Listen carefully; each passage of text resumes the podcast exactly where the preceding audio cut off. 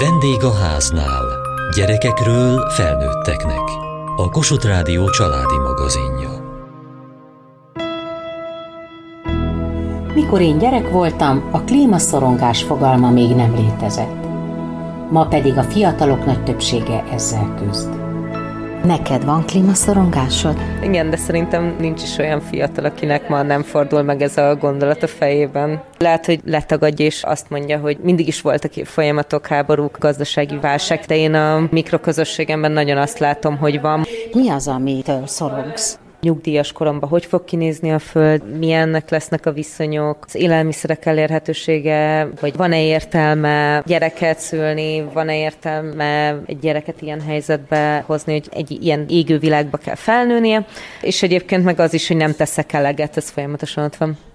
Mert mit kellene tenni? Azt mondják ugye, hogy gondolkodj globálisan, cselekedj lokálisan, és szerintem ennyit, hogy mindenki átgondolja, hogy ő mit tud megtenni. Nem is azt mondom, hogy ez segít, mert tudom, hogy a szemetemet attól, hogy szétválogatom, azt egybe öntik, de az én kis lelkemet megnyugtatja az, hogy nem használok zacskót a vásárláshoz, ha elvitelre kérek ételt, akkor a saját dobozomat viszem. Nem nagy dolgok, de a saját jó érzésemet egészbe tartja. Ezeket mind megteszed? Igyekszem, és a klímaszorongás ott is megjelenik, hogyha nem sikerül, akkor meg rosszul érzem magam. Azt a lábát, hogy cselekedj lokálisan, megteszed. Mit jelent az, hogy gondolkodj globálisan? Alapvetően nem zárkózom el azok elől a hírforrások elől, akik foglalkoznak a témával, azok elől a ismert személyiségek elől, akik ennek kapcsán felszólalnak. Ha lenne olyan mozgalom, amit kompetensnek gondolnék ilyen témában, akkor azt én támogatnám. Ilyesmire gondolok. Miközben beszélgetünk, a szád elé teszed a kezed, mint hogyha ez is szorongással töltene el. Igen, ez így van, de az is ott van, hogy erről is nehéz beszélni, meg minden ilyen beszélgetés egyrészt ventilálás, és akkor felszabadít, de mellette tudatosítás annak, hogy mennyire az utolsó utáni órában élünk, és szomorú hagyomány, amit most az elődeink ránk hagytak, meg egy nehéz teher most ugye jövőre nézve, de fel kell nőni hozzá. Már egy jó ideje vannak jelei a klímaváltozásnak, és azért nagyon sok tíz évig ez egy teljes tagadás volt, sőt talán tiltott volt erről beszélni nagyobb fórumokon, lehúrogták azokat, akik ennek a ténynek a szószólói akartak lenni, és inkább abban látom a hibát, hogy nem ismerték fel a vezetők ezt időben, és amúgy ma se tesznek. Persze gyűjthetem szelektíven a hulladékot, de nem azon múlik, hanem egyszerűen sehol nem foglalkoznak vele aktívan. Azt mondod, hogy sokan vagytok így így miről tudtok beszélgetni, amikor erről beszéltek egymással? Nagy részt inkább egy ventilálás megint csak, tehát annak a kibeszélése, hogy mennyire nehéz ezzel a súlyjal a vállunkon létezni, ki hogyan küzd meg vele, ki mit olvasott, mint praktika, ami megint csak mondom inkább lelkiismeret nyugtatás, de annak legalább jó. Ha globális téma, akkor alapvetően a folyamatokat, híreket szoktuk megbeszélni, mert olvasni is nehéz a híreket, és ha megvitatjuk, akkor is leginkább az visz előre, amikor a megküzdési stratégiákról beszélünk, nem a helyzetről, de közben ugye nem lehet a fennálló helyzet megvitatás tudása nélkül beszélni arról, hogy tenni kéne ellene. Hogy állsz a gyerekkérdéshez? Egyelőre még nem vettem el szorongások ellenére, de még nem tartok ott. Sok barátod van, aki azt mondja, hogy na én erre a világra nem szülök? Vannak páran, akik így vannak vele. Én egyelőre még a távolságtartás politikáját veszem fel, mert ez egy szerintem nagyon intim kérdés, és ha mondjuk a klímakérdéssel kapcsolatban van, akkor ahhoz tudok viszonyulni, de ennek nagyon sok faktora lehet, lehet, hogy hozott családi problémák, és abba viszont nem akarok belelépni. Szerintem mindenkinek a saját dolga, senkire nem tartozik, hogy ki akar gyereket, és ki nem, ki hányat akar. Mindenkinek a magánügye.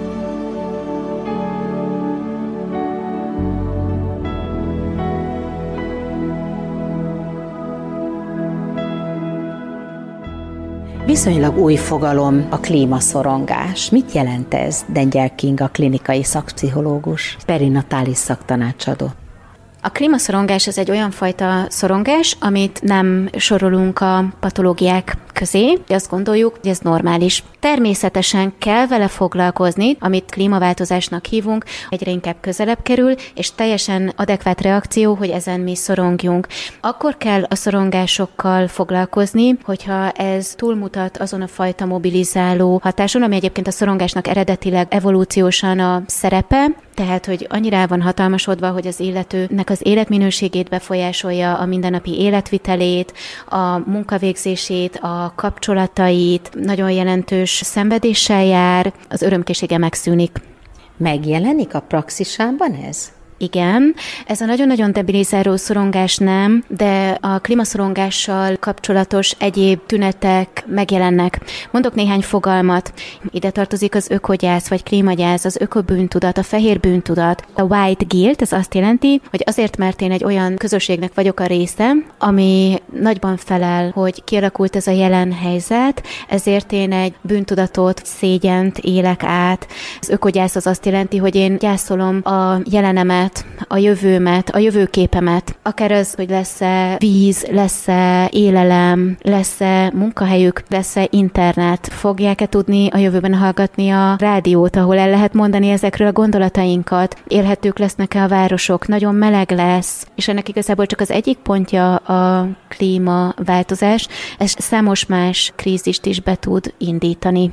Ezeknek a következménye az, hogy aztán azt mondják a fiatalok, hogy jó, akkor erre a világra nem szülök?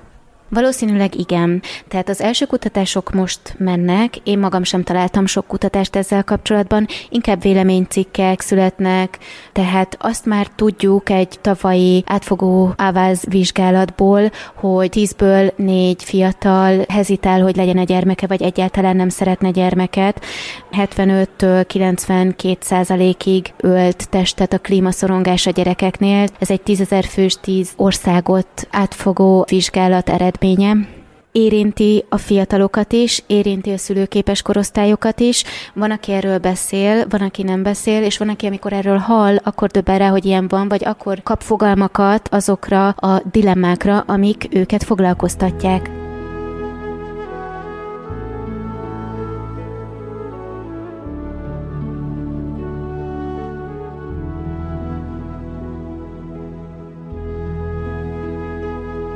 Klímaváltozás az egy úgynevezett hipertárgy. Azt jelenti, hogy nincs olyan szeglete a Földnek, ahol ez a globális hatás nem érkezett el. Mindenkit érint, de nem biztos, hogy mindenki tudja, hogy őt érinti. Ez nem klímahiszti, ez nem mesterséges pánikkeltés, hanem ezek olyan valós problémák, amikkel foglalkozni kell, amire kell tudnunk válaszokat és a gyerekeknek segítséget adni.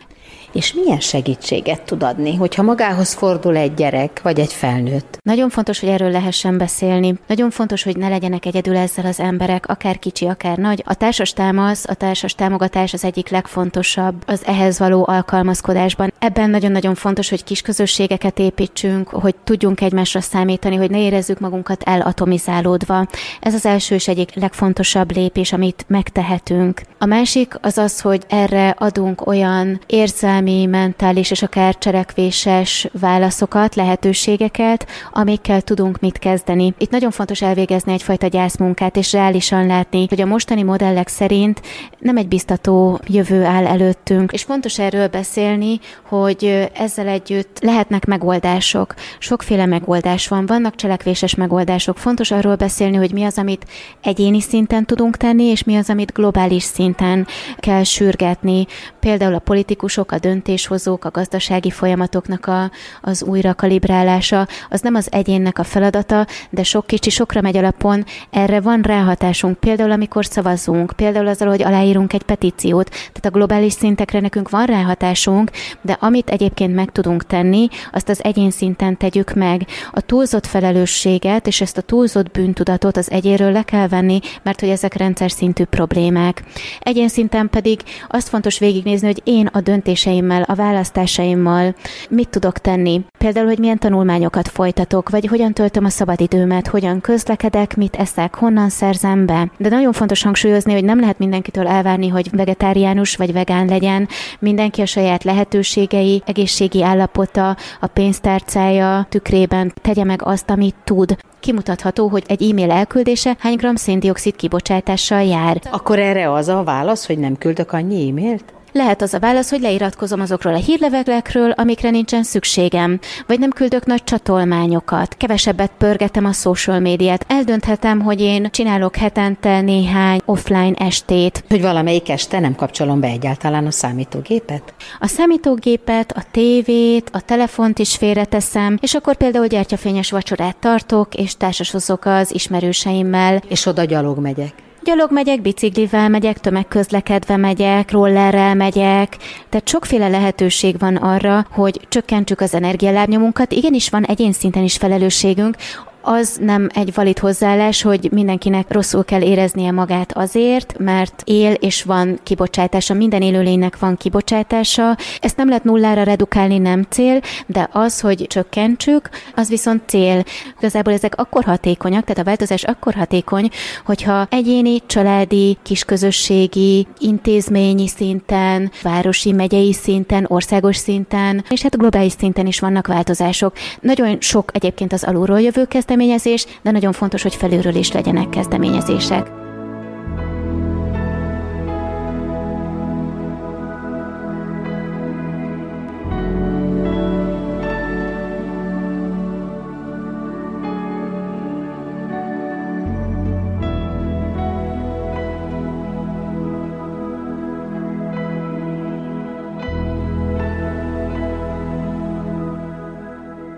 Az UNICEF, az ENSZ gyermekvédelmi szervezete már évek óta kutatja a klímaszorongást. Most is van egy friss kutatás, mit tapasztaltatok? Halász Minka, a gyermekjogi munkatárs.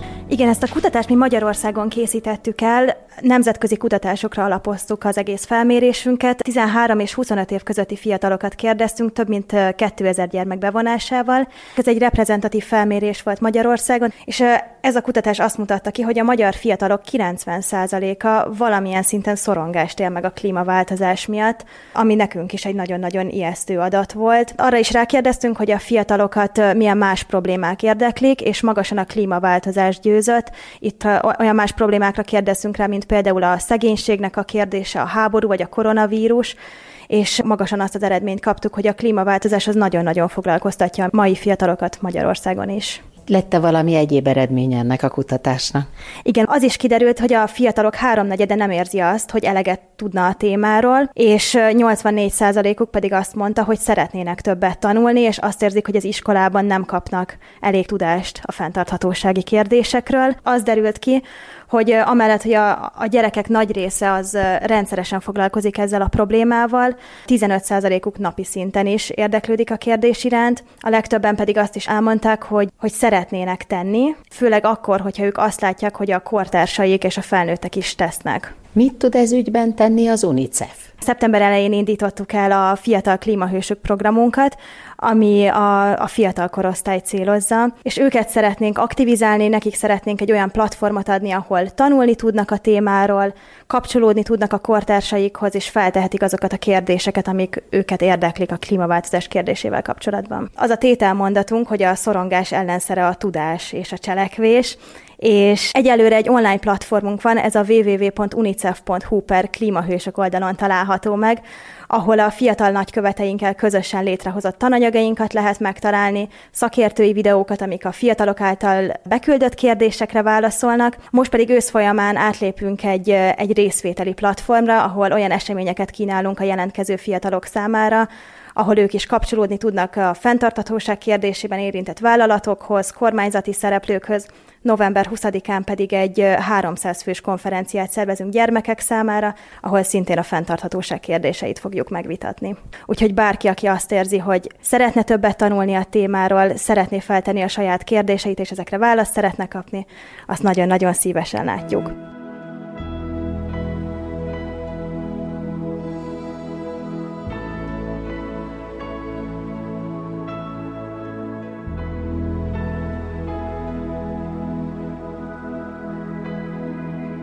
Jobb Klára Kamilla, az UNICEF Magyarország fiatal nagykövete.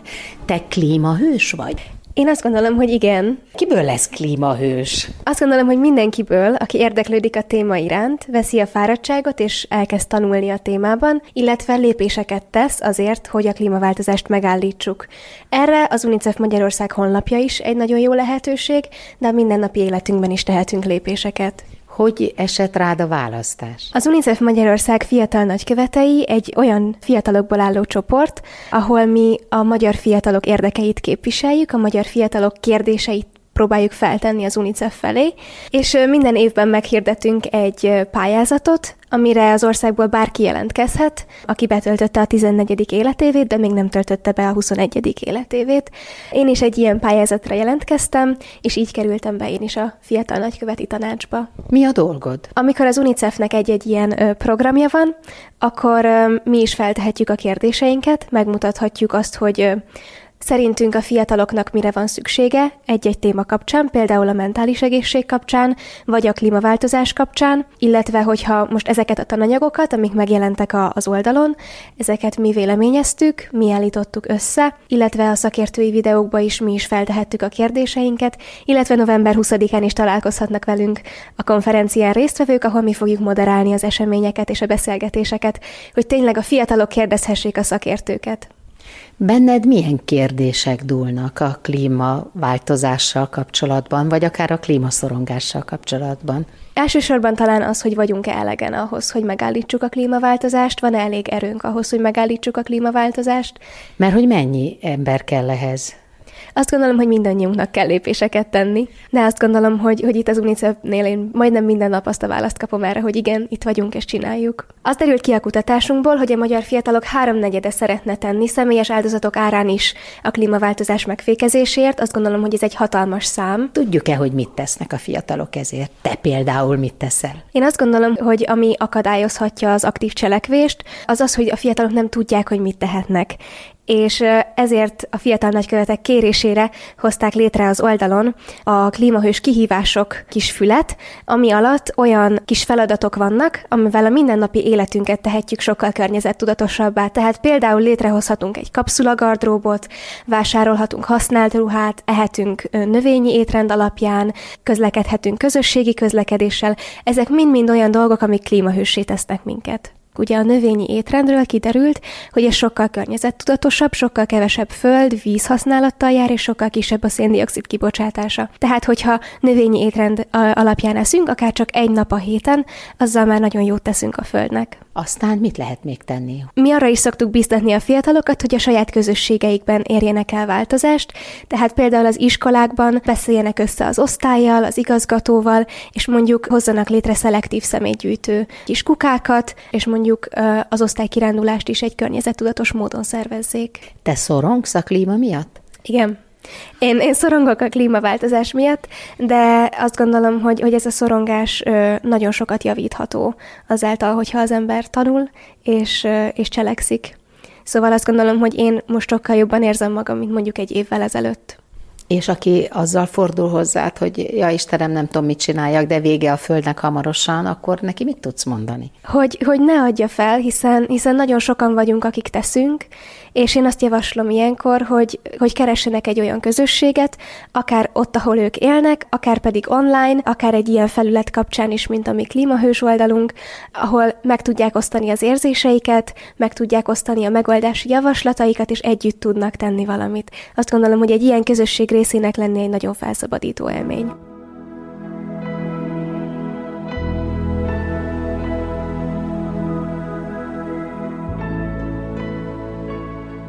Dengyel King, a klinikai szakpszichológus. Egyébként nem kell az embereket a klímaszorongásból kigyógyítani. A szorongás önmagában adaptív, a szorongás mobilizál, a szorongás egy veszélyhelyzetre adott reakció, egy olyan fajta aktivációt, összeszedettséget eredményez, amit teljesítményhelyzetben, ha vizsgázunk, ha állásinterjúra megyünk, ha előadást tartunk, segít. Azzal van a nehézség, hogyha debilizál. Tehát lebénít, és rosszul vagyok tőle. Igen, amit most mondott, az például a passzív remény. Ez a majd megoldják a politikusok, majd a technológia, ugye ezt hívjuk technooptimizmusnak, vagy azt mondom, hogy nincs is probléma, én tagadom ezt, bagatelizálom a problémát, majd helyettem megoldják mások, majd történik valami, én ehhez kicsi vagyok. Akkor létezik ez az úgynevezett aktív remény, amikor azt gondolom, hogy mindent megteszek, kitölti a gondolataimat, a mindennapjaimat, a beszélgetéseimnek a témái, minden cselekedetemet monitor monitorozom és ellenőrzöm, ez roppant szorongatott. A környezet szempontjából hasznos lehet, hogy nagyon odafigyelünk, és soha nem tépünk le egyetlen zacskót se, keveset mosunk, és nem papírzsepibe fújjuk az orrunkat, lehetőleg csomagolásmentes bolt. Aki mindenre odafigyel, az nagyon-nagyon szoronghat is tőle. Ilyenkor általában ott van az a remény, hogy de akkor megmenekülünk. Azt tudjuk, hogy nem tudjuk. Azt tudjuk, hogy mindent el kell követnünk, de nem tudjuk. Ezért inkább az az ajánlás, és ezt hívják radikális reménynek, hogy tegyünk meg mindent, akkor is, hogyha nem tudjuk, hogy lesz-e eredménye. A minden alatt pedig azt értem, hogy teszem, amit tudok, azzal, amim van, ott, ahol vagyok. Tehát, ha én diák vagyok, ha én kiskeresetű vagyok, ha én egy sokgyerekes anyuka vagyok, vagy ha én egy túlterhelt, sokat dolgozó valaki vagyok, akkor a saját lehetőségeim, anyagi helyzetem, erőforrásaim szerint ez a mi alkalmazkodásnak az egyik gondolata. Ahhoz, hogy aki klíma, nagyon erős klímaszorongásban vagy ökogyászban van, hogy ez normalizálódjon, és hogy egy egészséges cselekvésre hívjon, ami egy fenntartható működésmód, ahhoz a leghatékonyabb, hogyha el tudunk menni egy olyan csoportba, egy olyan klímagyász csoportba, ahol el tudjuk gyászolni azokat a dolgokat, azokat a múltbeli gyászainkat, azokat a transgenerációs gyászainkat, amik beaktiválják ezt a fajta gyászt is. Ha van valamilyen krízis, vagy van egy aktuális gyászom, az a múltbeli veszteségeinket is aktiválhatja. Most ez egy elhúzódó krízis, ez egy elhúzódó folyamat, tehát itt olyan megküzdéseket érdemes kialakítani, amik fenntarthatóvá teszik a mindennapjainkat.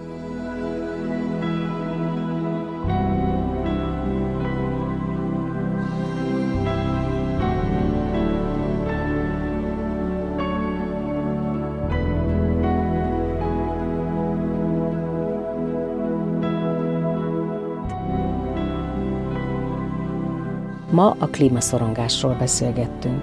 Kövessék műsorunkat podcaston, vagy keressék adásainkat a mediaclip.hu internetes oldalon. Várjuk leveleiket a vendégháznál kukac mtva.hu e-mail címen. Műsorunk témáiról a Kossuth Rádió Facebook oldalán is olvashatnak. Elhangzott a vendégháznál. A szerkesztő riporter Mohácsi Edit, a gyártásvezető Mali Andrea, a felelős szerkesztő Hegyesi Gabriella.